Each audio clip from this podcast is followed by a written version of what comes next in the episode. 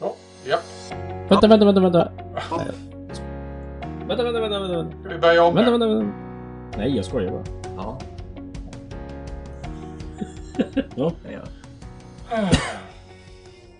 Hej och välkomna till Modellbyggarpodden. Erik Westberg heter jag och med mig har jag Fredrik Håkansson och Christian Lidborg som vanligt. Hur har ni det killar? Hallå, hallå. Jo då. Det ska inte klaga. Det, det rullar på. Nu har jag, som sagt, semestern har lagt sig och när man är tillbaka på jobbet och ja, den vanliga rutinen kom, kom in. Jobba på dagarna, bygga på kvällarna. Det går fort att komma in i rutinerna. Hur är det med dig Christian? Jo men det är samma, det rullar på och byggs på. Så att jag är verkligen inne i en uh, byggera just nu, så det känns bra. Och uh, man, du vet när man längtar hem lite grann så här, eller åtminstone kan vila tankarna på bygget man håller på med. Det är alltid en skön känsla. Mitt på dagen sådär. Så uh, nej, tillbaka på jobbet och allt uh, rullar på. Mm. Jag Och du känner- då? Nej, men det, är- ja, det, det är tvära kast känns det som. Det är upp och ner. Som ni vet så ibland så känner man sig helt uppgiven för man saker blir dåligt och man hittar inte saker och man inser att man inte kommer hinna med vissa grejer till tävlingarna som är höst och så här. Så att, eh, men jag, nu har jag väl kommit på spår igen här så att jag hoppas på det bästa. Låter Mm. gott det. Mm. Ja killar, ikväll så ska vi ju prata om Youtube. Och eh, jag tänkte vi skulle prata lite om, vi har ju varsin eh, kanal själva som jag tänkte vi Mm. talar om. Jo, det, blev, sen- det blev så en gång i tiden. Precis, Nej, men sen får ni jättegärna dela med er om, eh, om ni har tips på några, några bra kanaler som ni själva tittar på och sen lite grann hur man gör när man redigerar och lägger upp och administrerar en, en ka- kanal så att säga. Så det Mm, är kvällens mm. ämne. Ja, vi ska med andra ord försöka ge lite tips och råd till våra kollegor där ute i, i Sverige Mm. som eh, ja, funderar på att eh, själva ge sig in i det här träsket. Mm. Ja, precis, precis. Nej, men och, och eh, först, jag tänkte så här att Christian, du är ju yngst av oss. Så Och jag är nog absolut mest rookie också när det gäller... Eh, nu säger du YouTube, men det kanske är en göteborgska. Jag säger YouTube. Eh, men jag är nog färskast på YouTube. Det är så. YouTube, YouTube, IT. YouTube. Ja. Ja, jag, jag har min engelska är, är lite rolig. Det är som Vol- Volvo-engelska som vi säger. ja, exakt, exakt. Nej, men jag tänkte så här eh, Christian att eh, du ska få jättegärna berätta lite grann om vad du har för relation till eh, Youtube Mm. och vad du har skapat där själv lite grann och varför eh, skapade du en kanal? Ja, men precis. Eh, man kan väl säga spontant så jag tror att jag börjar tillhöra den skaran som, som inte har några kanaler på sin smart-tv längre utan man faktiskt har bara streamingtjänster och, och YouTube eller på att säga och ja. Så Netflix och HBO eller Disney Plus och så vidare och så vidare.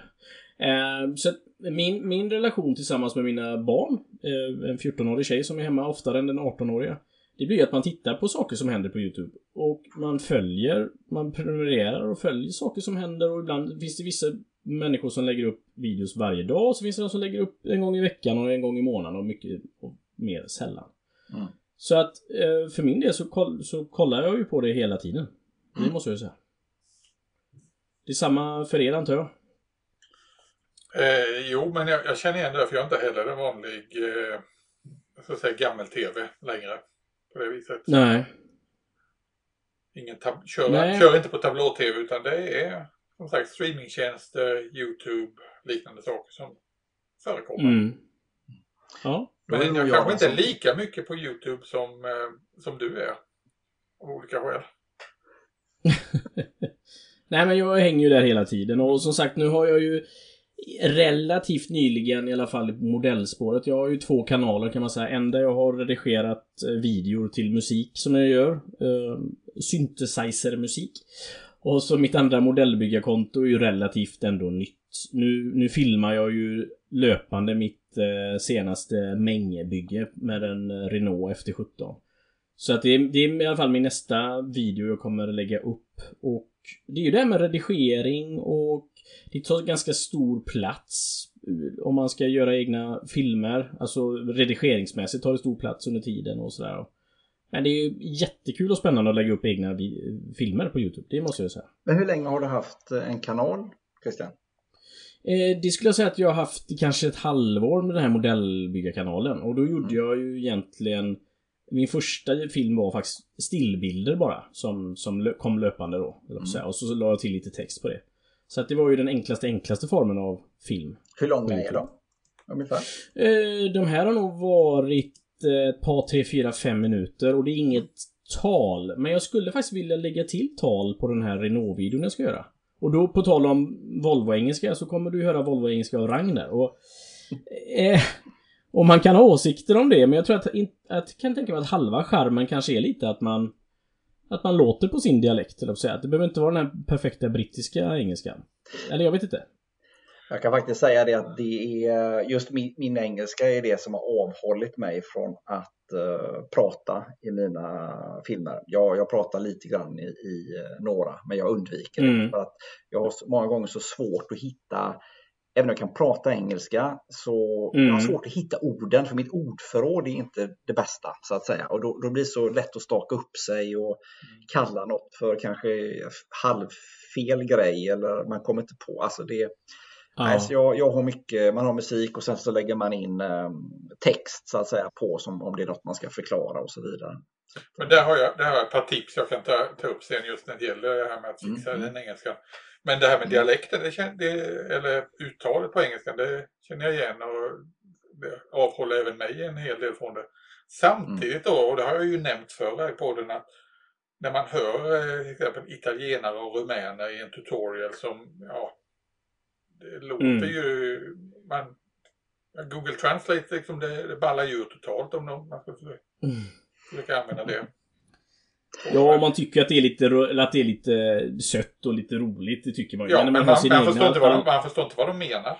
Det... Nej, det gör man inte. Och när man hör sin egna Alingsås-engelska så blir man ju inte själv speciellt impad. Det blir man inte. Men, Nej, men jag tror att vi skandinaver ja. har ändå ett ganska tydligt engelskt uttal. Alltså vi har inga svåra låtit nej, så här som, som vissa spanjorer och, och sånt nej. kan göra när de pratar engelska. Sen måste jag nog säga mm. att det är, för oss är, det ju en generationsgrej också. Det märker jag ju på min dotter. Hennes engelska. Hon, mm. hon eh, använder ju engelskan och talar engelska mycket mer än vad jag gör. Mm. Det, är ju, det är ju en del av hennes vanliga kommunikation över nätet. Mm. Så det är som sagt att jag tillhör den generationen att ja, jag är jätteduktig på att skriva engelska, läsa engelska, förstå engelska. Men har aldrig haft eh, möjlighet att tala engelska i den omfattningen så att det har blivit ja, ordentligt flyt på det. Det är skolengelskan ja. ja. Mm. Mm.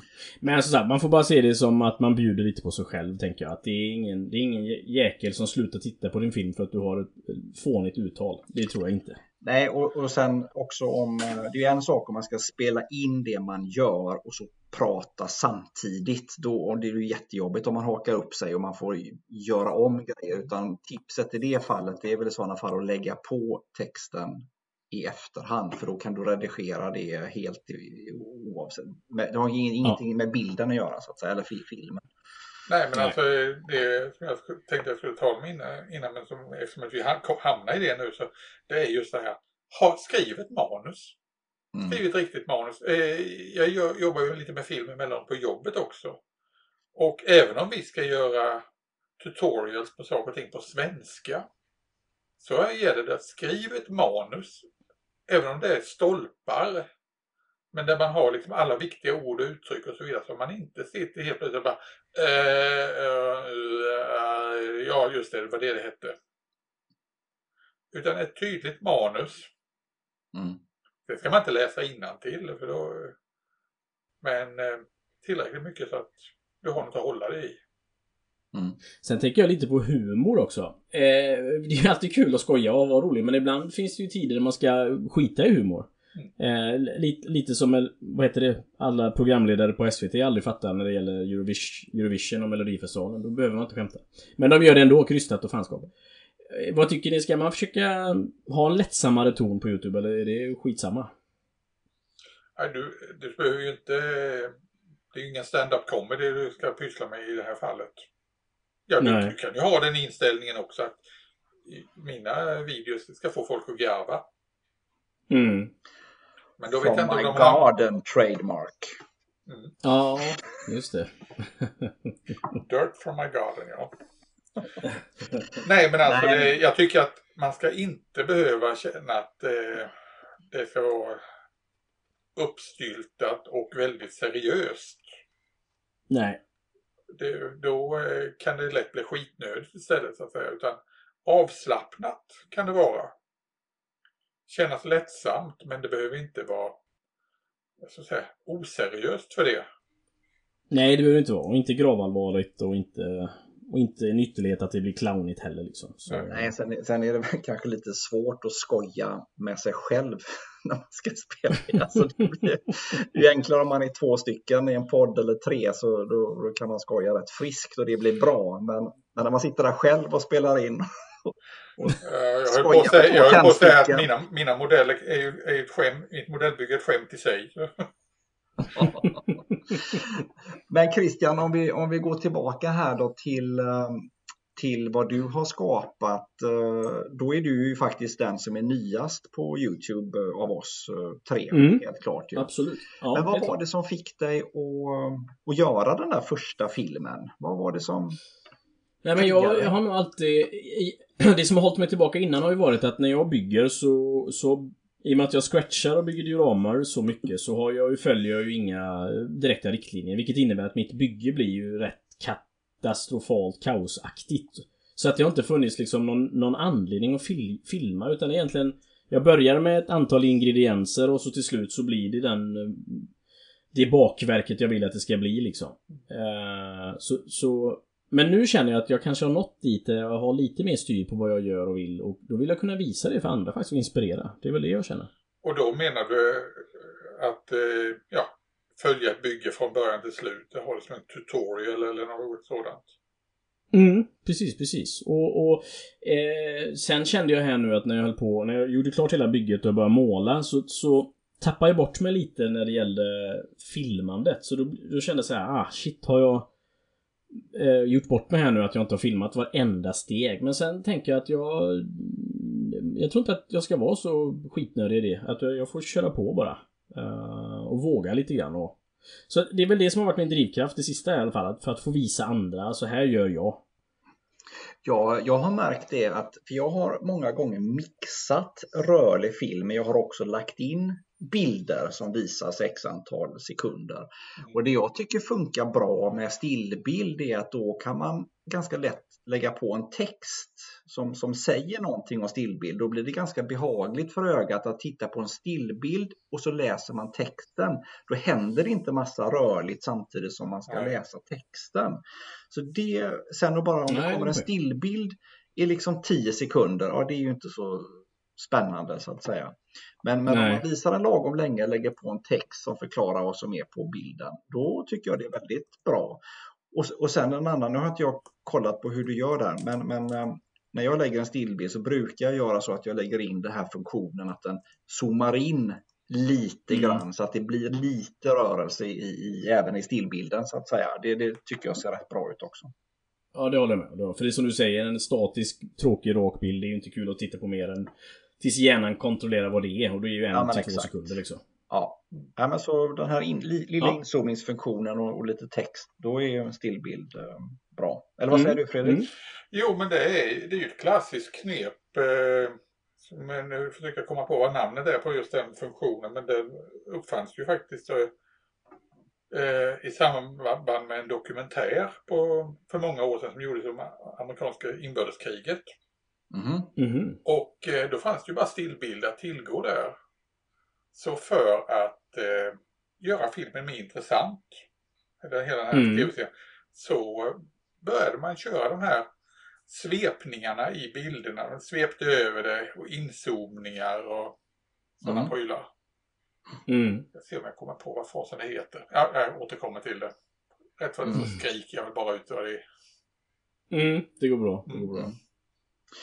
Ehm, vad skulle jag säga om vi håller oss här nu då till uh, schemat så uh, Då tycker jag vi går över till Fredrik helt enkelt och frågar samma sak där. Var, varför skapade du en kanal? Vad var det som drev dig till det? Oj, eh, ja, vad ska jag säga? Jag har ju eh, hållit på med i, i fem år ungefär nu. Det var 2018 som jag satte igång, precis i början av 2018. Mm. Och eh, det var väl i och för sig att jag hade, det var egentligen en naturlig fortsättning på det här med att jag höll på att publicera mina byggen på forum och så vidare. Men Mm. i den här vevan då 2018 så fick jag för mig att ja, men jag ska nog bygga en webbplats för, för mina modeller och så vidare. Mm. För min egen dokumentation och jag tyckte det var lite roligt att kunna lägga upp lite bilder. Jag Mm. gillade nämligen inte riktigt formatet med att det var inlåst i de här forumen och eh, när bekanta till mig som inte var modellbyggare till exempel frågade vad, vad håller du på med och så vidare så skulle jag vilja kunna hänvisa till något ställe och visa det. Mm, lite snabbt och enkelt. Liksom. Ja, det är mina arbetskamrater och så vidare. De, för jag menar, de loggar ju inte in på något modellbyggarforum. I, det är lite lång väg och så vidare. Mm. Även om man hade en portfolio där. Så då blev det ju att, okej, då fanns eh, Google Sites som är verktyg Mm. och då hade det kommit också i den nya förenklade utgåvan så den var väldigt lätt att jobba med. Och det var lätt att ladda upp bilder och allting där och då fanns det en funktion att vill jag ha in film så var det via Youtube helt enkelt. Mm. Och jag tyckte det var rätt så trevligt för att ta bilder. De första eh, modellerna jag gjorde, var, eller la upp det, det var figurer. Och att då sätta dem, jag hade en liten snurrplatta nämligen, en sån här elektrik. Att rotera runt och bara låta kameran gå där ett par, tre varv Mm. runt. Så tyckte jag men det var rätt så trevligt. Och man fick ihop en liten film på någon minut där som ett komplement. Så då eh, fick det följa med och då blev ju Youtube bäraren av, av mediet. Så jag tänkte i första hand webbplatsen och i andra hand Youtube-kanalen. Så Youtube-kanalen, jag tänkte inte ens på den från början utan det var bara där lagringsplatsen. Mm. Så den hade egentligen inget liv den där. Utan det var ju eh, min sida panserfredrik.se som var Mm. vad ska jag säga, navet och det känner jag fortfarande att det är.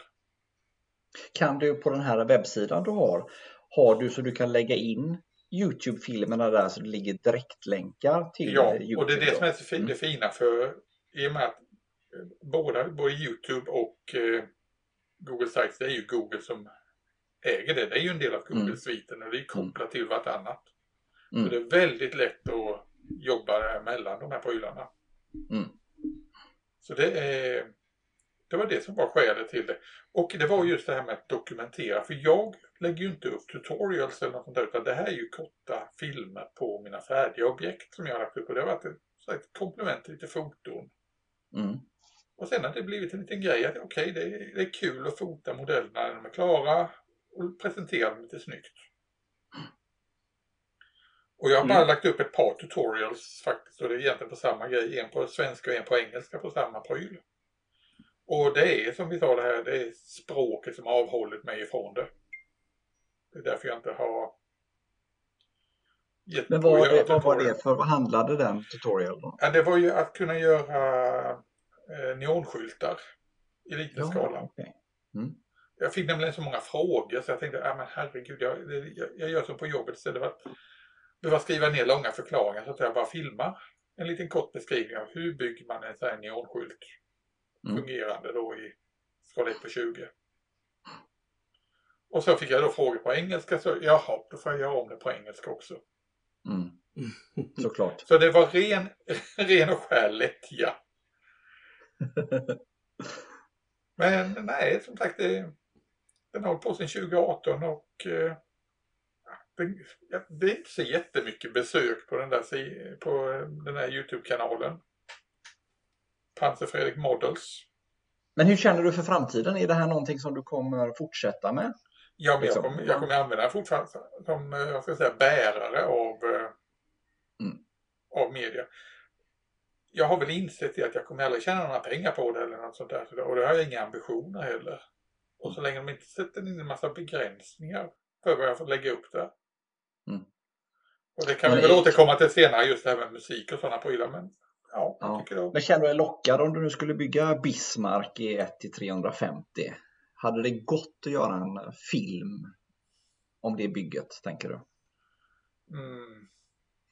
Ja, det, det, är ju- det, faller tillbaka på min disciplin när det gäller att, eh, att kontinuerligt filma och så vidare. För helt plötsligt så, så får man ju flow och feeling och sen, ja, som du säger Christian, att då glömmer man av det helt enkelt. Mm. Då missar man en bit där. Och jag tittar ju på en hel del YouTube där man noga går igenom hela byggen. Det är ju inte bara som sagt eh, som eh, gör det utan det finns ju många kanaler som går igenom byggen och lägger upp det film efter film efter film. Det kan vara 20 filmer om ett bygge minst. Alltså jag, Nej men precis, skulle man göra sånt jättefartygsbygge som tar mycket lång tid och det, det kan man ju Det är svårt att göra en film på 15 minuter som, som täcker in det utan där får man ju nästan dela upp det. jag skulle nog inte, jag skulle inte, ha- nej, jag skulle nog inte ha ork och disciplin och, Nej. och fixa det. Jag, jag, jag har en liten spaning där. Jag tänker att det jag märkte när jag började filma mitt eh, Renault-bygge här nu, det var ju att eh, man, man fokuserar ju väldigt mycket på att filmen ska bli bra och väldigt lite på att bygget ska vara trevligt och mysigt och så här. Förstår du vad jag menar? Att det blir... Mm. Det är, man, man ger upp själva byggglädjen till fördel för filmen på något sätt. Mm. I alla fall, jag kanske är alldeles för ovan. Och eh, man ska sätta på filmen och så ska, det, så ska det synas mitt i kameran och eh, du, du bygger ju egentligen inte för dig själv utan du bygger för att någon annan ska kunna se. Så det är viktigt att fingrar och grejer inte är i vägen och sådär. Så att Mm. det blir ju mer, det blir väldigt tekniskt bygge. eh, Det blir ett väldigt obekvämt bygge kan jag Mm. inbillar jag mig. Ja. Det, det, det är faktiskt det som har fått mig och, och jag, jag lockades ju av um, varför jag började med det här. Det, det var ju för att jag sökte ju egentligen kontakt med andra byggare liksom. Eh, jag var ju helt själv på kammaren då 2015 när jag började och så drog jag igång den här kanalen då i maj 2016 och la upp ganska mycket filmer eh, med en gång för jag var så jävla entusiastisk över byggandet. Jag var ju helt ny så att säga.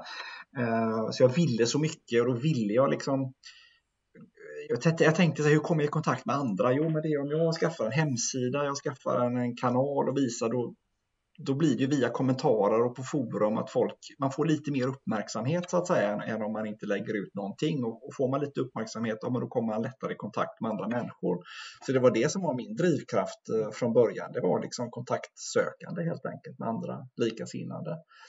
Och så var det ju roligt, man var entusiastisk, entusiastisk i början och ja, man var inte så duktig så att ett bygge tog ju kanske inte så lång tid och det var, man var inte så noga kanske och så vidare. Men nu sista året så har jag ju knappt, eh, jag bemödar, jag, alltså jag, jag kan knappt bemöda mig med att filma för att det, det som ni säger, det, det är så mycket grejer som måste tas fram och tänka och det är så ro, roligt att bara bygga så man, man tänker kanske att nu kan jag göra en film om det här eller någonting. Men när man väl börjar bygga så, ah, det var inte så viktigt med den där filmen inser man. Och, och så, ja, även om jag, jag har köpt nya sådana här arm, ni vet man kan sätta på bänken med leder för, för att fästa kameran och filma bättre. Jag har skaffat grejer men jag har inte ens använt det än. Att, eh, Men, men Erik, Ja, känner, lite känner du att, om du jämför dem med när du satte igång 2016 sa du, mm. med nu, är det liksom eh, mer konkurrens? Är det, är det, vad ska jag säga, trängre i eten när det gäller att få uppmärksamhet? Eller märker du någon förändring där? Att det var liksom mer nybyggarland 2016, det var roligare? Ja, men jag Det tror, var jag, jag lättare, att, lite... det var lättare att nå igenom bruset? Nej, det vet jag. Jag har ju aldrig nått igenom stort på något Nej. sätt överhuvudtaget med, med mina filmer. Liksom. Det, jag var ju ny och alltså, det var ju skit det jag byggde i början. Så, så är det ju liksom. Men, men, men ja, det som du säger, det är faktiskt intressant för att då 2016-17 så upplever jag att eh, de andra som man hittade när man googlade på how to make a diorama och så, och så vidare. Liksom. Det var, det var eh, det fanns folk som var duktiga, men det var, det var, det var inga sådana här superproffs. Men sen när Night Shift kom, alltså det, och, och lite grann andra följde med honom, så eh, det kändes som det blev en game changer där. Alltså det blev verkligen ett A-lag som var så jäkla duktiga. Så att, ja. Men då- eh, jag, jag märker det när det gäller eh, så här, figurmålande också, så här, upp till eh, spel Warhammer-figurer och liknande. För där tittar jag på en hel del olika YouTube-kanaler. Mm. Och där har jag sett den här förändringen. Och det är ju det att det finns ju nu stora pengar i, i de här YouTube-kanalerna. Så många lägger ju ner väldiga resurser på att pro, ja, väldigt bra produktioner. Mm. Mhm. Där det bygger liksom hela byggrummet med, eh, ja, för att kunna producera just film. Och det är väldigt mycket tid, så det blir en hobby i sig. Det är ju ungefär som det som vi snackade om med 3D-printning. Att man kan Mm. lägga hur mycket tid som helst på det.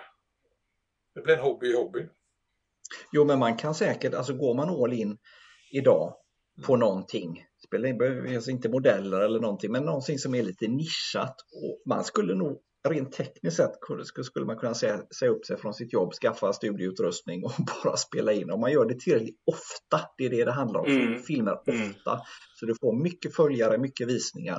Så hade man, man blir nog inte superrik, kanske inte som svensk då, så att säga, men, men, men eh, har du det engelska språket och kan lyckas så- kan du nog leva på det. Alltså. det Mm. Ja, absolut. Och, och det finns ju, eh, är du i liksom rätt bransch också kan du ju få sponsorer och massa sådana prylar med.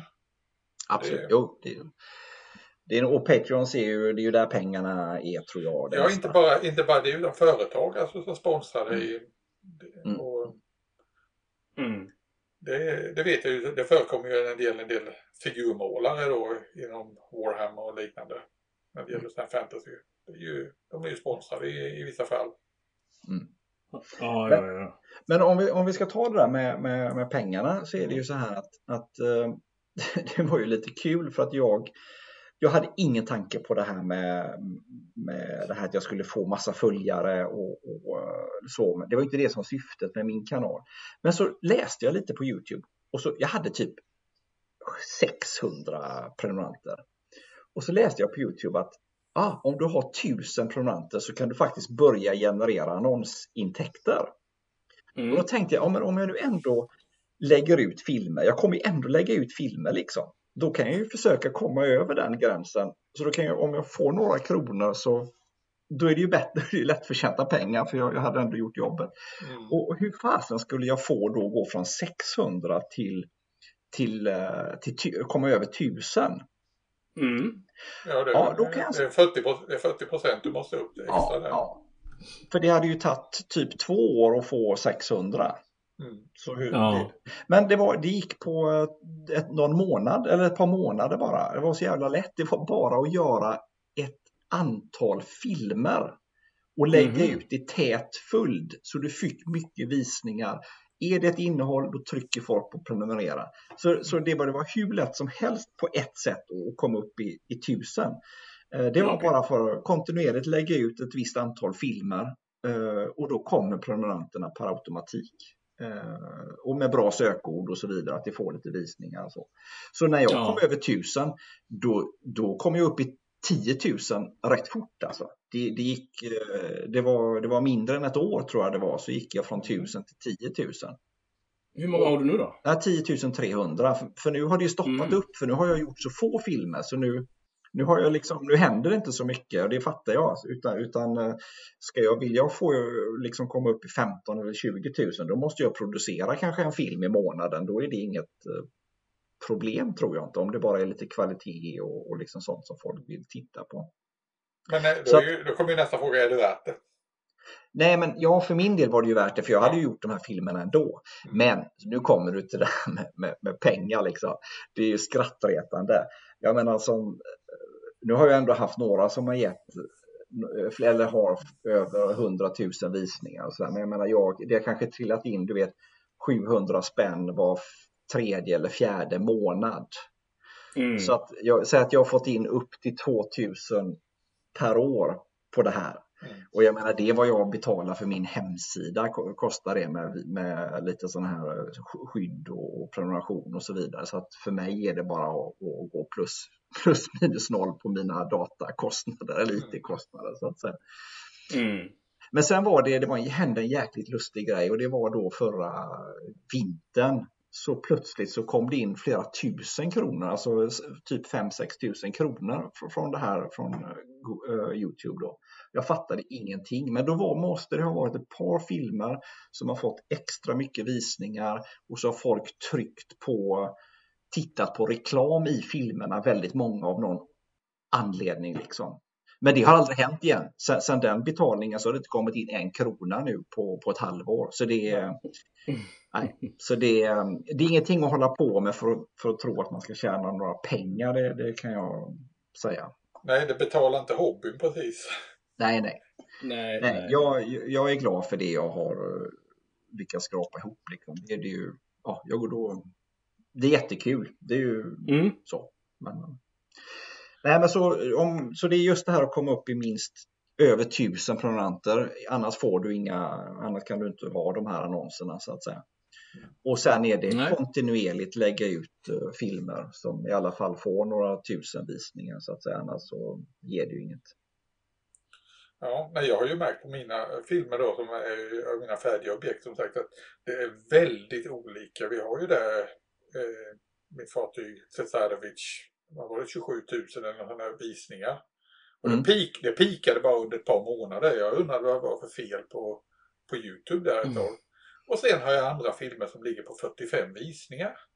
Mm. Och alla finns ju i samma jävla lista. Så det är ju det är inte så att folk går in och eh, nu ska jag titta på alla filmer från den här killen. Och från början till slut. Så funkar det inte.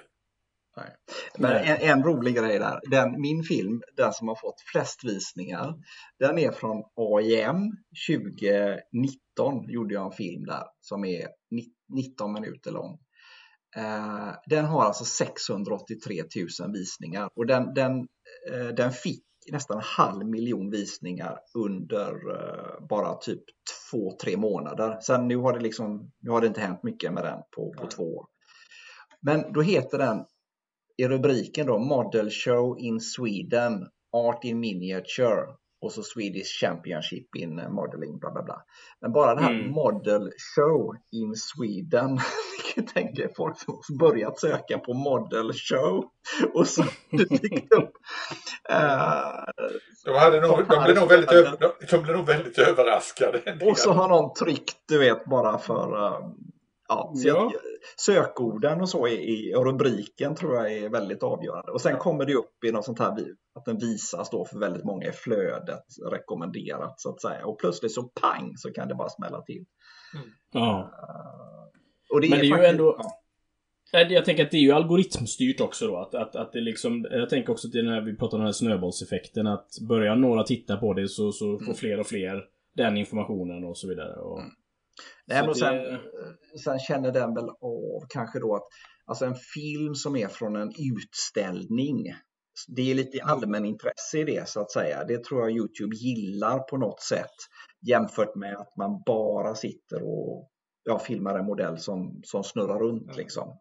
Nej, men det, de... Namnet är väldigt viktigt. Och, eh, ja. sagt, det hade ett engelskt namn som liksom, du hade alla hashtag-orden i titeln. Jo, och, precis. Menar, och sen har jag lagt in sökord ja. ytterligare också då. Jag förstod ju mycket väl att när jag började titta närmare inne i Youtube Analytics där man kan se en hel del statistik kring filmerna. Att eh, mm. Den här filmen Cesarevic då om min fartygsmodell ET350 av ett gammalt ryskt fartyg. Det var mm. mycket från eh, Ryssland, Ukraina och ja, det var ju innan eh, mm. konflikten satte igång där. Men det var mm. mycket ja. därifrån. Det var som eh, vad ska jag säga, visningarna kom. Men mm. en, eh, när jag hade med då titeln en, en tisdag eftermiddag på bygget på svenska. Ja. Det är inte mm. speciellt många visningar där. Nej, precis. Och det, det faller sig naturligt. Och jag skulle bara säga det angående de andra filmerna här jag, jag, har då så är det ju så att den här då med Model Show in Sweden AIM 2019 med 683 000. Tvåa då på min lista, det är AIM 2022, den filmen med 225 000 visningar. Mm, och, och, sen har jag C4 från 2019 med, med 91 000. Så den, oh den filmen som är om ett diorama, den ligger på tredje plats, 98 000 då, som är um, den här Death of the Commander som jag gjorde med en tysk eh, pansarbefälhavare som ligger med ena benet avsprängt så att säga.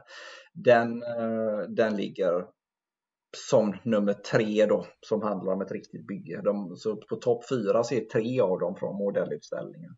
Jo, men modellutställningar, det, det, är ju, det är populära. Det är populärt. Det är, jag tittar ju själv gärna på, på film, filmerna som sveper över modellutställningar. Men jo, sen, den, fjärde, den, fjärde filmen, som sagt, då har du fortfarande en engelsk rubrik.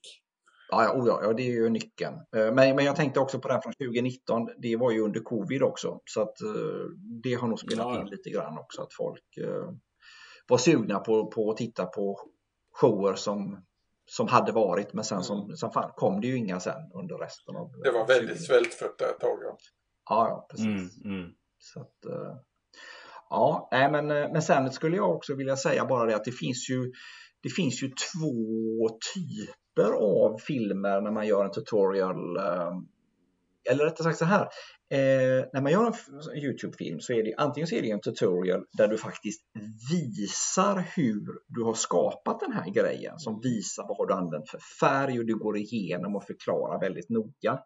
Den andra typen, det är ju mer watch me building så att säga. Ja. Alltså du, du filmar bara medan du bygger, du förklarar lite små grejer bara. Men egentligen ja. handlar det bara om en snabbspelning av råmaterialet och sen visar du det färdiga eh, bygget så att säga. Mm. Och det har ju sin underhållningsvärde också för att jag, jag har gjort lite både och, men de flesta jag har gjort det är egentligen bara watch me. Alltså jag, jag klipper in lite filmsnuttar från byggets gång så folk får en uppfattning att här började han med lite cellplast och sen är det ett, ett, ett hus här som ser rätt bra ut liksom. Eh, ja. Eh, och så är det 15 minuter som visar lite olika steg och så vidare. Men jag, jag säger ingenting, det ligger bara musik på. Det är bara lite få textrader när jag förklarar något som jag inser att jag utgår från att de som tittar på det här kan ungefär lika mycket som jag själv. Vissa kan, de flesta kan nog li, lite mindre, de som kan mycket mer, de, de tittar inte ens på sådana här filmer så att säga, utan det är ju sådana som kan mindre eller ungefär lika mycket. Och då behöver man inte förklara allting i detalj, för de, de vet. Utan det handlar ju mer om att om det är någon speciell teknik jag har som jag kommit på som jag gärna vill visa, ja men då, får man, då kan man lägga en minut av filmen på bara den lilla tekniken och sen kan du liksom snabb, snabbspola eh, tre minuter och så stoppar du och så går du in på någon detalj som du visar lite mer än det andra. Och till slut så har du det färdiga bygget. Mm. Ja. Um, jag skulle, om jag skulle göra tutorial så skulle det nog bara bli så här små korta, visa vissa segment. Så här gör jag när jag dry brush. Så här gör jag när jag bygger ihop. Att, att följa mm. ett helt bygge, det, som sagt, det har jag inte disciplin till. Nej, och precis som du säger, det, det, är jättesvårt att få till det, utan det är nästan roligare att, som du säger, man, man har en teknik som man vet att man bemästrar hyggligt. Då är det roligare, gör man fem minuters film eller sju minuter som bara handlar om det, så att säga, och då, för då kan man visa det väldigt mm. tydligt och, och, på ett bra sätt.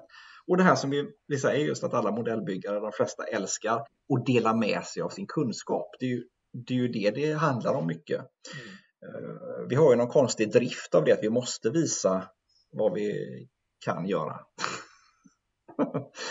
och det är ju jättebra. Ja. Ehm, ja men bra, men då nästa sak jag skrivit upp här på ehm, på listan det är faktiskt då lite grann om hur vi gör våra kanaler, hur man spelar in en film, vad man använder för program kanske och sånt. Ska vi börja med han den yngre av oss, den yngsta?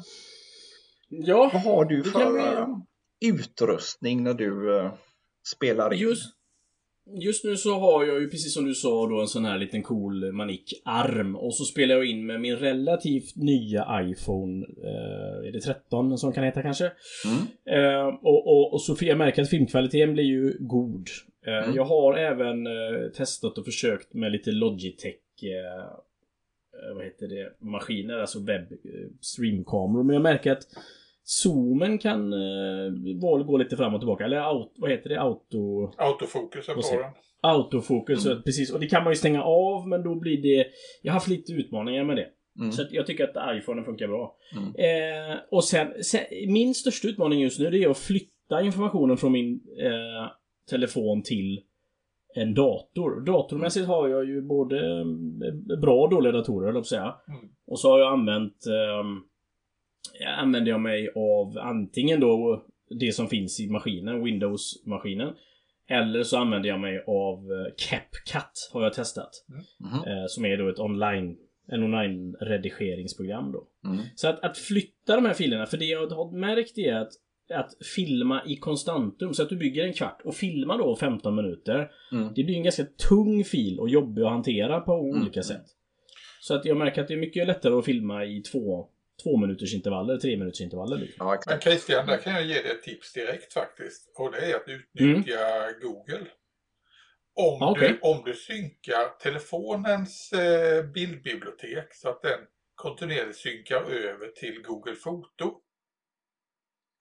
Så Google Foto kan ta ganska stora filmfiler. Ja, ja, ja. Och då kan du sen, när du väl har synkat över till Google Foto, då ligger det ju egentligen i molnet. Och då behöver du bara öppna Google Foto på datorn och plocka ner den lokalt där. Om du sen ska Ah. redigera den. Ja, okej. Eh, det var ju nice. För, för nu har jag ju eh, OneDrive-konto, men jag märker att filmerna åker inte alltid med automatiskt. Nej. Så då får jag lägga till dem manuellt då. Men det är, Ja. go- i Google-miljön så funkar det bättre. Då är ju problemet att har du bara ett vanligt gratis Google-konto, då har du bara fem, 15 gig på det. Men för 200 kronor om året så får du ju 100 gig. Och det räcker ju en liten Ja. Och så kan man ju städa undan efterhand om man inte vill ha kvar råfilmen. Mm. Nej men det är ju fiffigt. För som sagt, det tar ju en del plats detta. Alltså 15 gig är ju för, det är förvisso väldigt mycket. Men, men en film, eh, en sån här 5-6 minuters film kan ju snabbt bli en 5-6-700 meg liksom. Så att Mm. eh, det fyller på fort. Nej, så att det är ungefär så jag gör. Och nu har jag ju inte testat att spela in än, men det kommer jag vilja göra och då kommer jag lägga på ljudet efteråt i tanken. Och då... ehm, det är ju... Det, det som jag tycker kan vara lite svårt är att veta sådär... Om man tittar på Night Shift till exempel så är inte han tyst en enda sekund. Och det...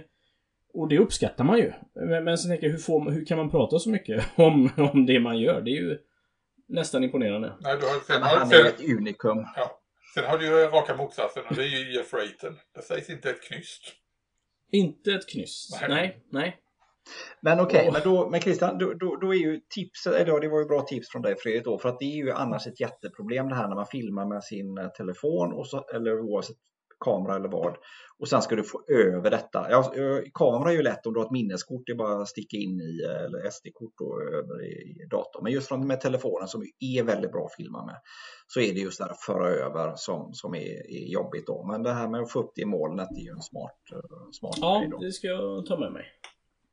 Men hur, och hur gör du Fredrik då? Med, Ja, alltså när jag började med det här så då kör, hade jag en systemkamera som jag filmade med.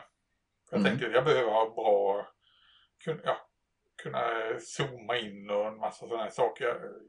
Men jag tänkte för mycket helt enkelt märkte jag ju ganska snart. mm. Overthinking, det är en, det är en sån där sak som man, man lär sig efterhand. Hur- Ge fan i det. Hur menar du då? Nej men det, alltså det, eh, när jag använde systemkamera, det var mycket svårare till exempel att hålla fokus på modellen. Om vi tar en liten fartygsmodell som roterar runt. Där man inte Mm. har en fixpunkt utan ja, när du roterar runt den så det är ju en, det är ju som att rotera en penna på ett föremål. Du ser ibland mer av den, ibland mindre av den. Den kommer närmare dig och den kommer längre ifrån dig. Mm. Och då fick ju den här systemkameran lite spel om man försökte ha autofokusen på den. Mm. Och den fick ju också spel om jag ja, försökte eh, köra en fixfokus på den då. Eller låsa fokus. Jag tyckte det var Mm. svårt med den. Det, det blev ett onödigt steg. Sen var jag ju ingen, jag är ju ingen expert på systemkamera. Jag, jag, jag kan fota hunden emellanåt med den. Men vad gör du idag då? Du? Idag, nu har ju, te, och då, nu har ju telefonerna blivit så jättebra. Mm. Så det, är- alltså, en, det är ju 12 megapixel i en, i en vanlig iPhone idag. Mm. Och det är ändå inte de värsta telefonerna utan ja, en, en vanlig hyfsat ny mobiltelefon. Och jag Mm. filmar med den. Och eh, det är vissa saker som jag är lite noga med eller försöker med. vara noga med. För det första, alltid använda stativ. Jag, Mm. Så jag fäster eh, telefonen i stativ. Och gärna ha en liten sån här fjärrkontroll till den också så jag kan starta den på, på fjärren om det, ska, om det är så. Så man har ställt in så jag inte petar till den och så kommer det ur fokus eller skakar eller något sånt där. Och det är sådana fjärrkontroller, det brukar ju följa med selfiepinnar. Gå på blåtand. Så det, Mm. Och det, de där kostar ju inte många spänn. Det nästan man får dem när man går in och frågar vad klockan är. I alla fall här i Falkenberg. ja, okej, det är annorlunda där. Ja. Ja. Nej, så det är ju en sak. Den andra saken är det här med ljuset. Att eh, jag har lagt lite, lite resurser på att skaffa några bra studiolampor. Mm. Och där märkte jag också faktiskt ett problem med, med lite äldre telefoner och vissa typer av lampor. Att det blev interferens när man i ljuset. Det vill säga att ljuset pulserade med ungefär samma hastighet som bildhastigheten i, i kameran. Så man fick det Ja, här ja, ja. blinkande. Mm. Men eh, nu har jag ko- kommit förbi det problemet. Det handlade både om att byta, byta lampor. För det var vissa av de här LED, eh, tidiga LED-lamporna som var lite taskiga där. Och Mm, sen min nya telefon, liksom man får titta lite på, okej, ska jag köra med 25 frames per sekund eller 30 frames per sekund eller vad, vad gör man och så vidare. Så det är lite sådana prylar. Nej, och sen är det annars bara filma där. Genom jobbet så har jag ju tillgång till ganska bra redigeringsprogram så jag redigerar i Adobe Premiere. Mm. Vilket Ja. är proffsprogram på det sättet. Det finns ju gratisvarianter som är lika proffsiga. Och, men det är, och det är ju också det här att där har jag gjort en del förarbete. Så jag har liksom början och slut och jag har ramen färdig och fixad. Så att logotyp och allting ligger ständigt med det. Jag behöver inte krångla med det utan jag behöver bara lägga på filmen, klippa den, lägga på ljudet och så vidare. Mm. Så jag, jag, är, jag är lat helt enkelt. Men då, just det, det var ju lite roligt då, för jag gör ju inte alls som ni. Nej. Nej. Jag, jag gör allt i min telefon. Och jag skulle aldrig ens orkat göra den här kanalen om jag skulle göra som er, att eh, ladda över det till en dator och sen sitta med en dator. Utan jag använder min iPhone XR, den är ju några år på nacken, men det är ju den som har ganska stor display. Men jag hade, jag gjorde mina första filmer med en iPhone SE första generationen. Det är den som är väldigt Den är rätt liten ja. den, den började jag med och det funkade faktiskt. Men jag är lite så, Eh, fingrarna fungerar, det är bra filmmotorik där. Nej, jag gör allting i telefonen. Eh, jag skulle aldrig bemöda mig med att koppla över det för då skulle jag inte haft tid. Det går så fort att göra det i telefonen och då kan man sitta du vet, du får fem minuter över på lunchrasten. Liksom, då, du, du bara sitter, du behöver inte starta någon dator eller någonting. Eller man ligger i sängen innan man ska somna så kan man ligga och redigera lite. Eller man sitter på bussen eller vad som helst. Liksom. Eh, Det, det är hela nyckeln för mig. då. Och då är det så att då har jag, använder jag en app som heter Splice. Eh, som jag har gjort alla filmer i. Och då var det så att Splice, den var gratis tills för två år sedan. Eh, då tar de betalt. Den kostar ungefär 1000 kronor om året eh, numera. Mhm. Eh, för jag var lite så när de började ta betalt där, att ah, vad fan ska jag lägga ner det här? Men så tänkte jag att ah, ja, det är lite kul. Jag gör ju mycket andra filmer också. Jag har en annan kanal där, där jag håller på med mina vesper och det där. Så jag tänkte att ah, ja, jag, jag, jag skaffar den. Så den kostar, den är inte gratis tyvärr, men 1000 kronor om året Uh, kostar den idag. Men den fungerar väldigt bra och har man bara lite finmotorik i fingrarna så eh, går det alldeles utmärkt att redigera och så med den. Så att, eh, Nej men det finns ju, allting beror ju på vad man är van vid och vad man har kunskap i. Jag kan ju Premiere på grund av jag har Mm. använt det i jobbet och använt under många år och så vidare. Mm. Så för mig är det, det är inget problem. Jag, jag tänker liksom inte ens på att det är Premiere jag jobbar i utan det är, det är mitt filmredigeringsprogram. Nej, men precis. Och då har ju du den rutinen bara. Det är rutinen. Och det, det har blivit en Det vana. För mig är det, är det kortaste vägen mellan två punkterna. Mm. Men eh, det vet jag ju att eh, man kan ju lika gärna, har man en iPad så kan man ju lika gärna jobba i Movie Maker där eller någonting. Ja, iMovie eh, kan Eller man ju göra heter det, filmerna i, iMovie, också, Movie. Maker, Movie Maker det är ju den inbyggda i PCn ja. I Mm. Nej, nej, iMovie, det testade jag lite grann, men det var jag, precis som du, jag var van vid det här Splice så jag Mm. fortsatte med det bara för att jag, jag kunde det liksom. Ja. Att, Och alla, Ja. alla program har sina vad ska jag säga, fördelar och sina begränsningar. Kan man ju säga Mm. på det sättet. Så det är bara vad man är van vid. Eh, jobbar man i iMovie till exempel, ja det finns begränsningar på hur många spår man kan lägga på och hur man kan hantera de här grejerna. mm. Men ja, fine. Då, då, då har man de förutsättningarna att jobba efter. Då kommer vi till nästa grej. Mm. Och det är en grej som faktiskt påverkar uh, den här intäktsgenereringen också. Och det är musiken. Ja, Ja. Eh, och där åkte jag ju på en, eh, en jävla nit. Därför att i det här Splice som jag använder så finns det, jag ville fortsätta med det för det finns väldigt mycket musik i den här appen. Och då var det så att eh, de flesta låtar där var eh, Alltså de, de var gratis eller de, de, eh, de hade ingen upphovsrätt. Eh, Mm, nej, okej. Utan man kunde anlägga, använda dem, lägga på dem på filmerna och, eh, och, och, och så fungerar allting perfekt. Men sen allt eftersom så har Splice sålt, eller ja, vad de nu, de här som musiken som finns i Splice har sålts till så plötsligt är det någon som har rättigheter till den här musiken. Så då kommer Jaha. det ju upp med jämna mellanrum meddelanden från Youtube att eh, du, du har musik i den här filmen som en någon äger. Eh, du får kvar musiken, det är okej, men de tar all intäktsgenerering från den här filmen.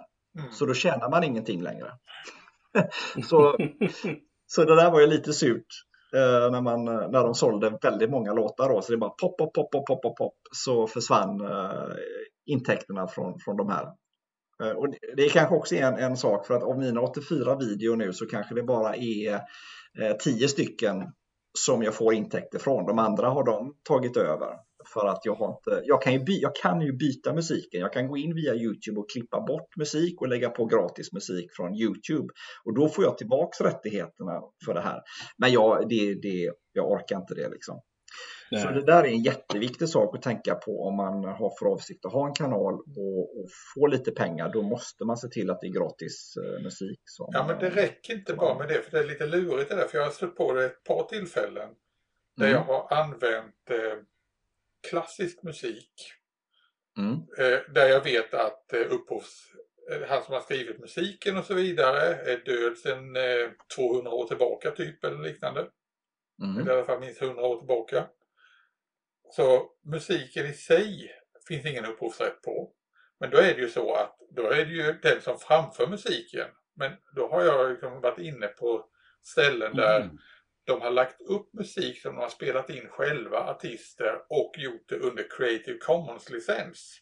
Det Mm. vill säga, Mhm. den är fri och utan upphovsrätt. Men lik förbaskat så låter det då så pass likt så då har det kommit upp ett meddelande, inte från Youtube, men när man har länkat eller skickat in samma film i eh, eh, Facebook till exempel så kan det komma, ja Sony Music hävdar rättigheter för den här.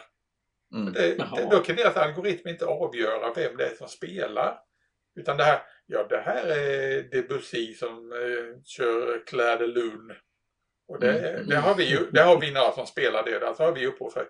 Och att börja tjata mot dem och hävda, liksom, även om jag har skickat in dokument och så vidare, nej men det här är ett Creative Commons. Det skiter Du de i. tog den fighten alltså. Ja, jag tog den fighten en gång och sen gav jag upp alltså. Det, Ja. Mm. Nej, det var bara liksom, eh, glöm det där. Nej, det enklaste är ju att man plockar från Youtube. Där finns ju musik. Som, Ja. eh, men, då, men då är det det här att jag är, när jag gör en film så är jag, jag är väldigt, jag vill att filmen ska stämma med klippen. Jag är ju väldigt så att jag, om det ska byta låt så byter jag gärna låt i ett filmklipp så att säga. Alltså jag, jag försöker att musiken ska harmonisera med, med videon. Uh, och det är ju kört när man ska göra med Youtube, eller det är jättemycket krångligare plötsligt då. Och då kan jag inte sitta med det i min telefon utan då måste jag göra det på datorn och då plötsligt så blir det jobbigt. Så det var ju därför jag frågade dig Christian, du som är musiker, om inte du kan börja komponera några, några låtar. För det är, ja. um, då slipper man det där uh, krånglet. Nu får jag säga det att den här Splice-appen, de, den musiken som finns där i nu, den tror jag faktiskt de skrev det att den här är fri så att säga. Men, men det vet man ju aldrig. Ett, två, tre om två år så, så säljer de de här och så har de det som affärssystem mm. då. För de vet att det är många som har lagt in musiken i sina filmer och så um, kommer det generera pengar till någon om ett par år när, den, mm. när det säljs helt enkelt. Du, ja. du, gör ju, du gör ju mycket längre film än vad jag gör, Erik. Så det är ju, jag kan förstå att du ja. får jag får ju snarare det att okej, okay, den här låten den måste jag bara tona ner efter ett tag för jag har inte mer filmmaterial. Nej, nej, nej, men, jag vill ju hålla mina göra... filmer runt en till två minuter i längd. Ja, då, då är ju musiken inget problem. Men, men eh, mina filmer försöker ofta vara kanske då runt en 15 minuter och då, då blir det rätt mycket musik faktiskt som måste in. Så att, uh... Däremot så försöker jag ju få musiken att uh, ska, vara stämningsskapande så att det ska ju mm. stämma ungefär med modellen. Har jag mm. Har jag då ett ryskt fartyg, då vill jag ha någonting lite kanske ryskt militärt inspirerat mm. och hitta mm. någonting som stämmer. Mm. Mm. Och som sagt, om du säger Youtubes ljudbibliotek är jättebra, särskilt om man slår på att det inte finns någon eh, att det, att det ska vara någon upphovsrätt på det. Eller någon, mm. någonting sådant, för det finns en liten, ett filter att bocka i där. Så den är jättebra. Och det är det absolut säkraste stället. Där har jag aldrig stött på att det har gnällts någonting om musiken. Nej. Nej, Sen har jag ett tips och det, lärde, det var genom jobbet faktiskt. Det var en, eh, en kille som heter Karl Malbert, en lärare. Det var en IT-satsning för många herrans år sedan. Han skapade, han var musiklärare, eller är kanske fortfarande, jag har inte riktigt koll på honom. Han satte upp en sida och skapade på appar också som heter Malberts melodier. Mm. Där han för skolbruk skapade en hel del olika små ljudslingor. Det var alltså jinglar och det var små melodier i lite olika stämning. De har jag använt en hel del. Mm. Och de går liksom, mm. det går att gå in på den här webbplatsen Malberts melodier och eh, plocka ner de låtarna. Och de är fria att använda. Mm. Sen, har jag, ja, du... sen har jag också varit inne på Pixabay till exempel. Men där kan vara lite lurigt som sagt. Om mm. man har något klassiskt stycke då kan man nästan ge sig på att då dyker det plötsligt upp någon som vill hävda upphovsrätt. Även om det står att det är Creative Commons. Mm.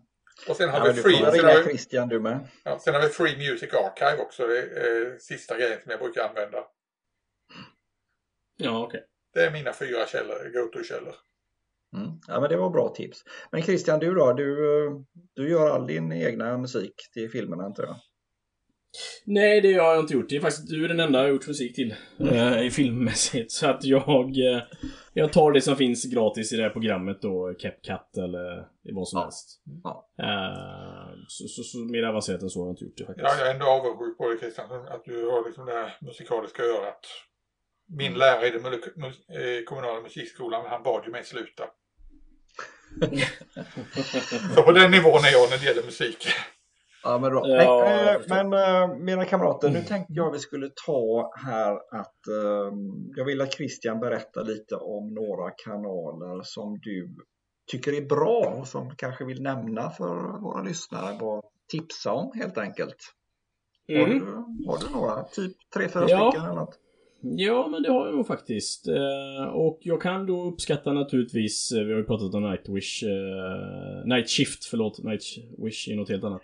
Ehm, det, det, kan jag ju naturligtvis uppskatta. Men sen tycker jag även att Andys Headquarter är ju en rolig...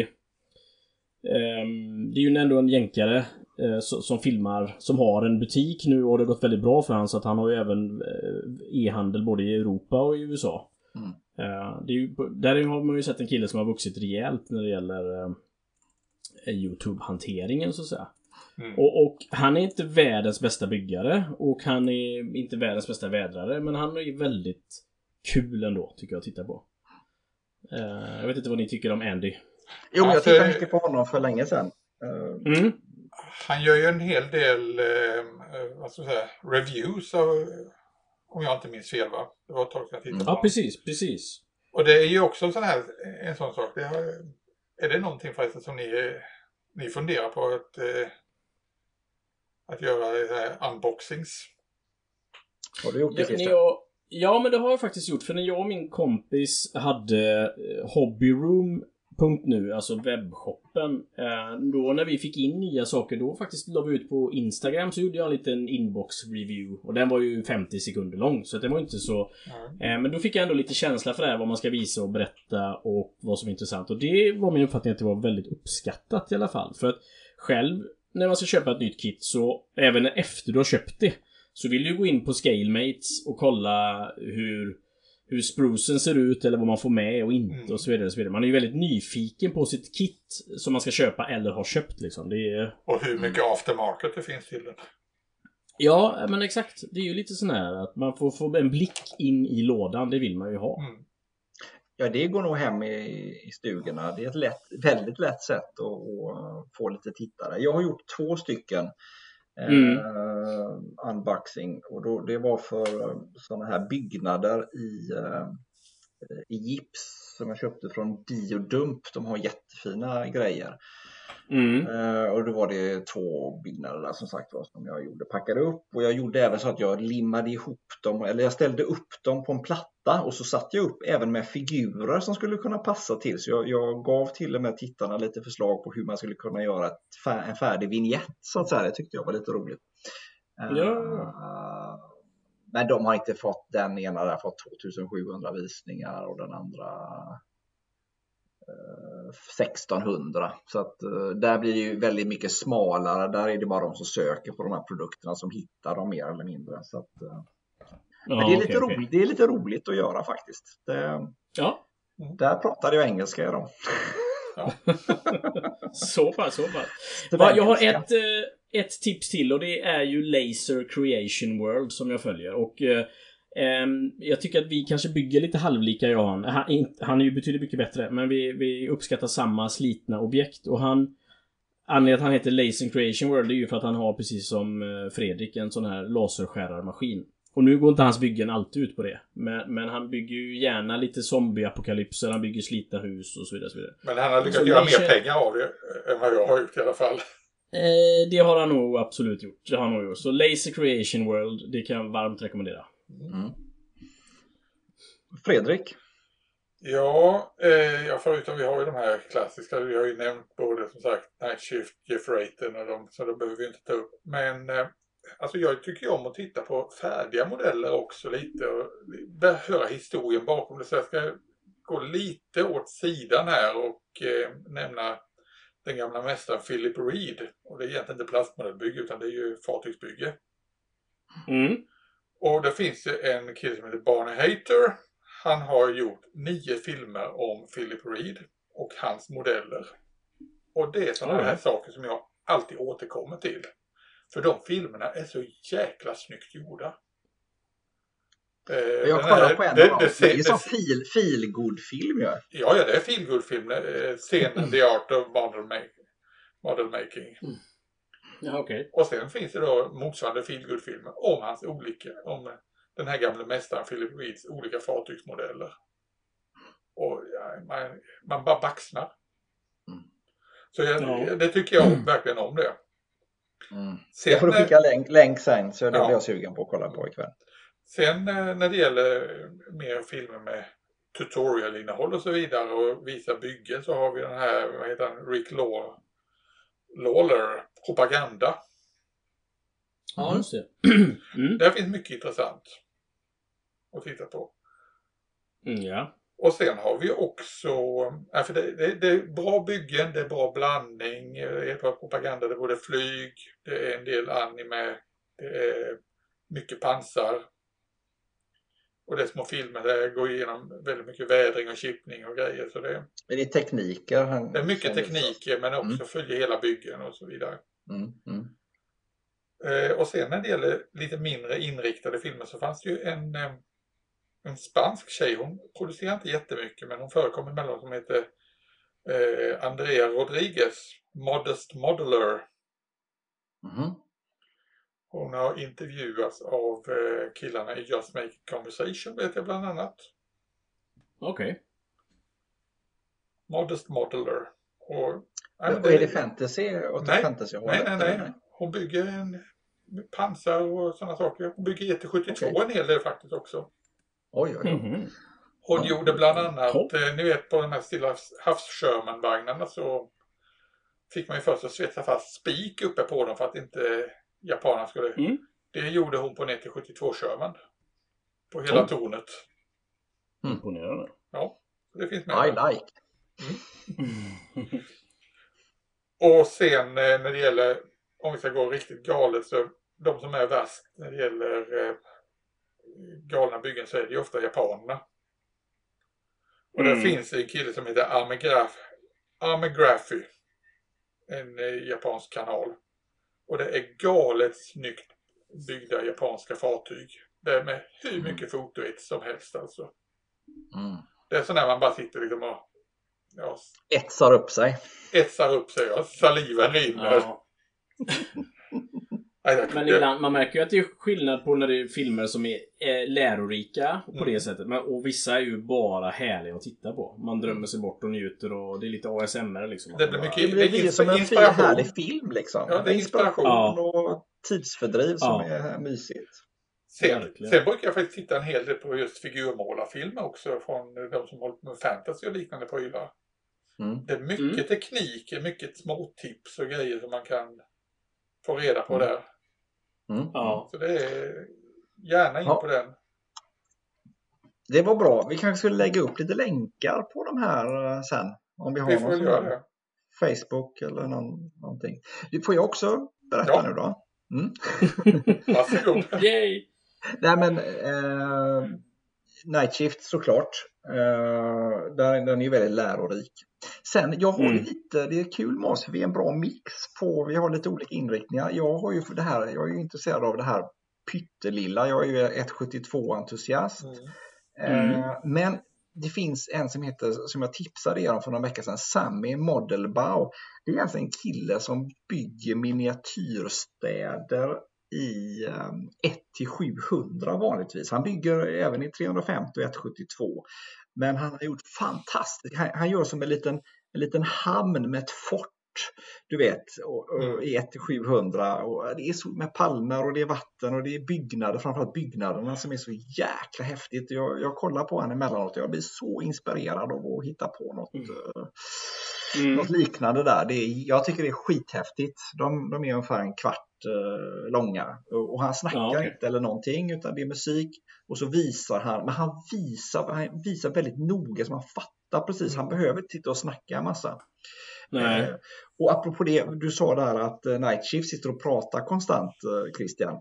Och det gör Mm. Och jag tror faktiskt att det är en, en, en orsak till det. Det är också att då slipper han lägga på musik som kanske hindrar honom med intäktsgenerering. Utan sitter han och snackar hela tiden så behöver man inte bry sig om, om musik. Ja. Nej, ett ett nej, inlägg bara. Ja. Men sen, sen eh, Plasmo eh, är ju en, en eh, jätteduktig byggare ju, och han bygger ofta 172 med. Mm. Eh, han, där, kan, där kan vi komma in på det här med språket. Han är ju bitvis väldigt svår att, höra hans engelska alltså. Men eh, det funkar, men eh, lite, lite grötigt.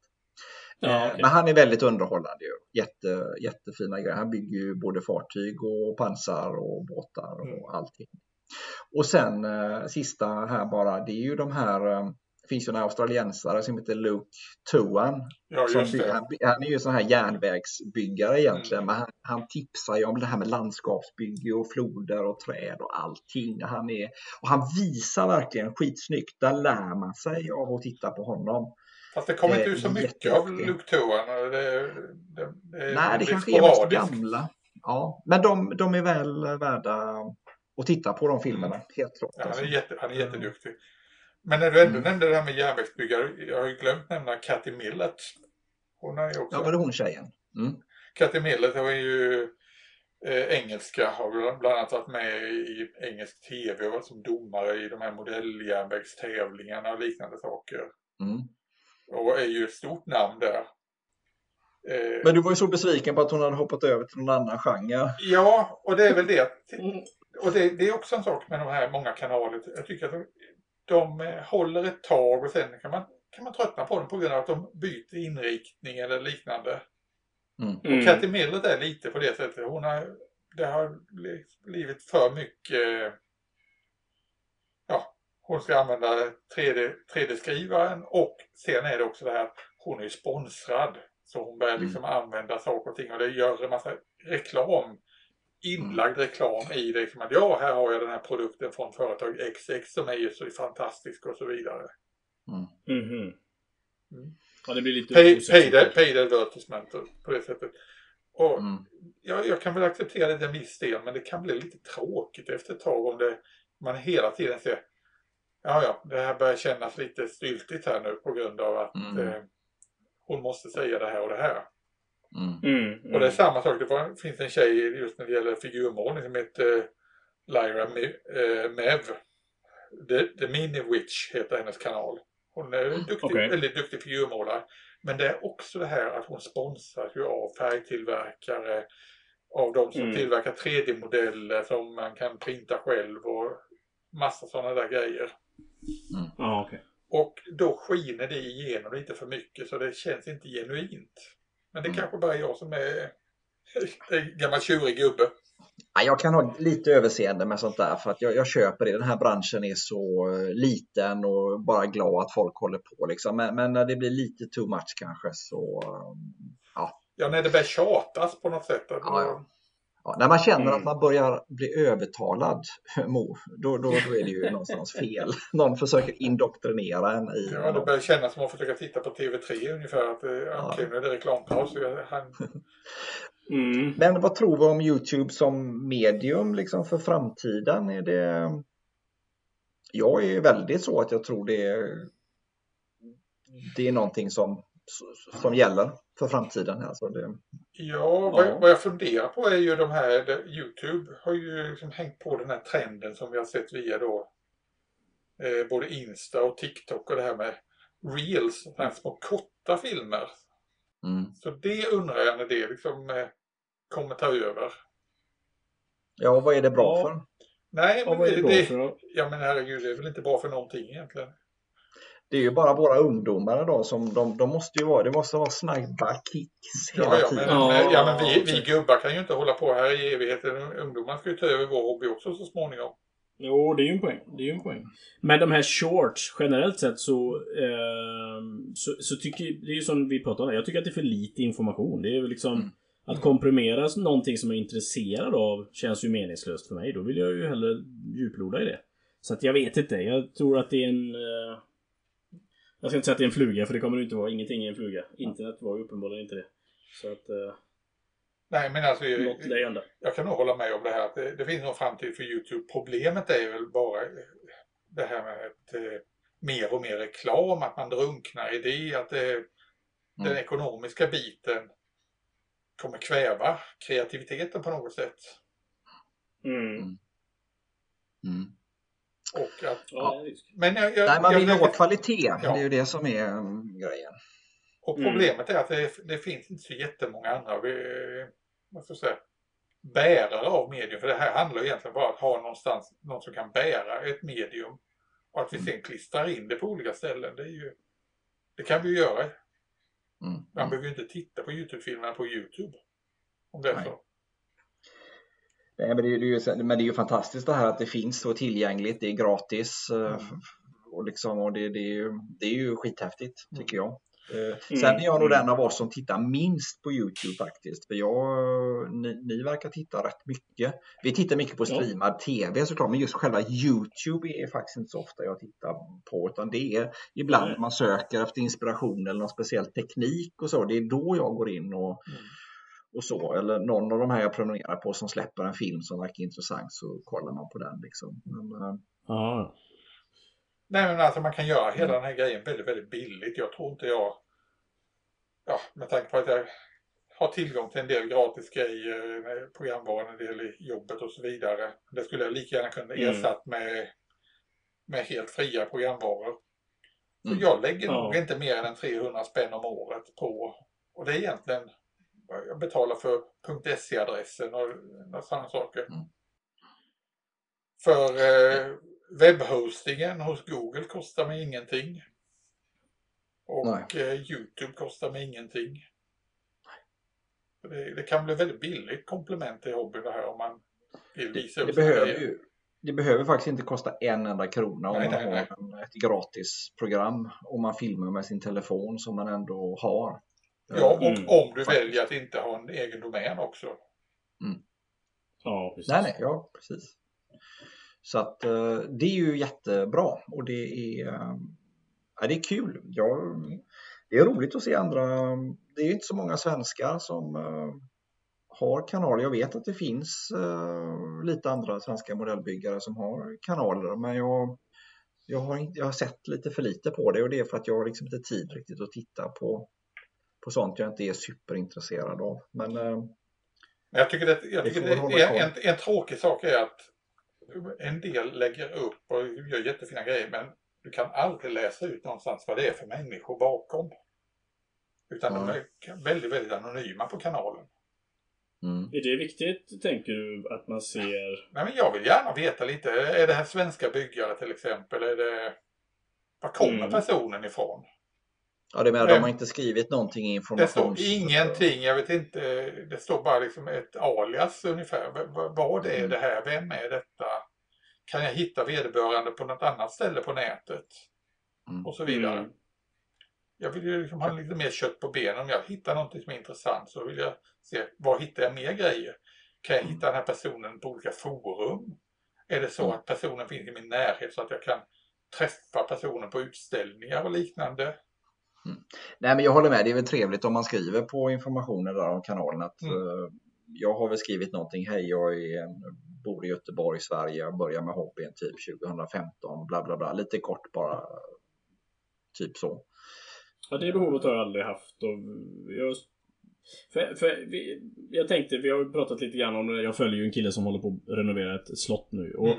Hela hans person är ju lite därför man tittar på honom. Så jag tänker att det kan nog vara viktigt om man vill ha många följare att man är en, en god gubbe och då får man kanske bjuda lite på sig själv och sådär. Ja.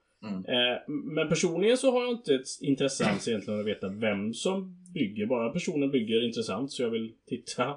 Det låter kanske egoistiskt och konstigt. Nej, men det är väl det viktigaste såklart. Utan det är ju bara om man ska gilla personen, fråga lite mer så, så är, är det ju trevligt Ja, att se om nej, det det är en bra. människa, människa där bakom. Annars så det har Mm. ju ingenting att göra med det man tittar på. Så att, eh, mm. Ja, Mm. nej, men har vi, har, vi, har vi tagit upp allting? Är det någonting som ni känner att vi har eh, Ja, Vi skulle nog Missat kunna, vi skulle nog kunna tjata vidare om det här länge. Alltså borra i det. Men vi får väl återkomma till ämnet i så fall.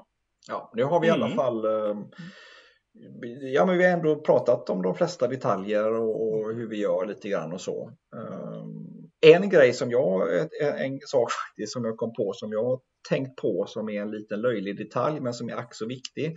Det är att Mm. när jag filmar, eh, när jag bygger, jag filmar liksom mina händer och det jag håller i, så har man ju ofta en sån här matta under. Mm. Och då är det ofta att den här mattan har ju det här rutmönstret. Och sen så håller man sina fingrar och det man ska filma det är då kanske 10 cm upp från mattan. Men jag har upplevt Mm. att det är väldigt vanligt att när jag filmar, telefonen sitter uppe till höger om mig och den.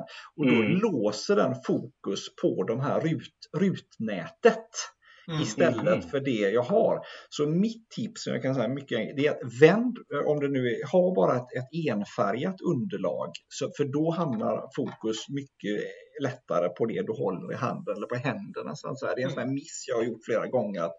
För det ser bra ut när jag tittar lite så i telefonens fönster så ser det bra ut. Men sen när jag då tittat på det legat och ska redigera så har jag märkt att fokus har varit helt fel. Jag varit på det. Så det är ett tips. Ha, ha helst ett, eh, ett enfärgat underlägg. Så Ja, men det är en, en billig lösning på det. Det är ju bara att gå och köpa en packe med vita A3-papper. Vanliga kopieringspapper i Ja, A3, A3-format för de är tillräckligt stora för att Mm. eh, det, du filmar inte mycket större yta. Nej, nej, Nej. nej. Precis. Du kan lägga papper. Eller så min skärmatta, den är ju rutig på ena så vänder jag på den så den är bara Mm. helt enfärgad. Så att, eh, men det är lätt, lättare faktiskt att lägga en, ett stort vitt ark eller dra ner något, något bra färg. Mm. Men det är i alla fall vi skulle vilja säga till alla våra lyssnare om om de funderar på det här att kör igång hellre än bra. Det är grundprincipen. Jag tycker det är Mm. viktigare, viktigare att man gör det än att man sitter och har ångest över kvaliteten och att det är sprakigt ljud eller att det inte är helt fokus och så vidare. Bara lägg upp grejerna. Mm. Och Mm. man, man, måste, man måste lära sig krypa innan man kan gå. Så Nej, sant. Känner man sig lite lockad av det så är det jättekul att, Mm. prova och så. Och känner man att äh, det här är inte alls något för mig så skit i det liksom. Det, det, det tar mycket tid, eller det gör det ju. Så att, och det är som jag sa förut, jag filmar ju mindre och mindre och det är bara för att jag, jag vill bygga. Det, livet är kort, jag vill bygga så mycket det går. Ja, det, går, det, går, det går perioder. Du, rätt för det så kommer du tillbaka och känner Ja. nu vill jag film. Ja. Har jag bara, Mm. om jag kommer igång och gör en film till, Mm. då kommer jag garanterat göra tre filmer inom ganska kort tid. Därför att då, ah ja, det var ju inte så jobbigt och så kommer man in i det modet så att säga. Och då, Mm. Mm. eh, mm. Men vad har vi annars framför oss här nu då? Det är AIM som Ja. närmar sig med stormsteg. Är ni, Mm. Har ni något att ställa ut eller har ni anmält Ja, er? Eller vad? Eh, Jag känner mig taggad. Ja. Du känner att jag håller på och vädrar en Bishop just nu här som kanske får följa med då. Men hur går det med ditt diorama du håller på med? Det är, eh, för, för att stilla mina nerver så är det ju, det, det går bra tack, men Ja. eh, datummässigt så är det tidigast eh, C4. Ja, ja, okej. Eh, så, så att, eh, jag kommer nog inte ta med någonting annat än mitt glada humör till AIM. Mm. Har vi fixat så vi har något bord eh, på AIM och, och sitta och sända från så att säga eller tjata med folk? Det kommer finnas möjlighet eh, att komma fram till oss Mm. på bord. På Ja, ett eller annat sätt. på ett Ja. eller annat sätt. Precis. Christian, Du skulle har ju, ut, du har ju eh, lovat t-shirts till folk. T-shirts. Ja, exakt. Nu har jag nästan glömt av vad premissen var. Ja, man kommer fram till oss. Ja, just det. Oj! Var Ja. det inte Nej, premissen? det, nej, nej, det var inte det. Det var att om man kom för första gången på en modellutställning. Ja, så var Det det. var det det var. Det var inte alla som ville ha en t-shirt som skulle få en. jag orolig. Om man var första gången att ställa ut på tävlingen så... Ja, då så. Ja, Mm. yes. Ja. Och jag kommer bara ta med en storlek extra small. Så att... eh, Ja. Det Nej, är men bara, det är bara juniorer som gör sig besvär alltså. ja, exakt. Nej, men då får vi nästan runda av här då och så Mm. säga, hoppas att vi säger till alla att vi hoppas vi ses på AIM helt enkelt. Mm. Mm. Ja, Yes. Så ja. får vi säga tack och adjö då. Tack, Tack för idag vänner. Ja, Tackar. tack själva. Hej hej. Hej hej. Tack för att du har lyssnat på Modellbyggarpodden.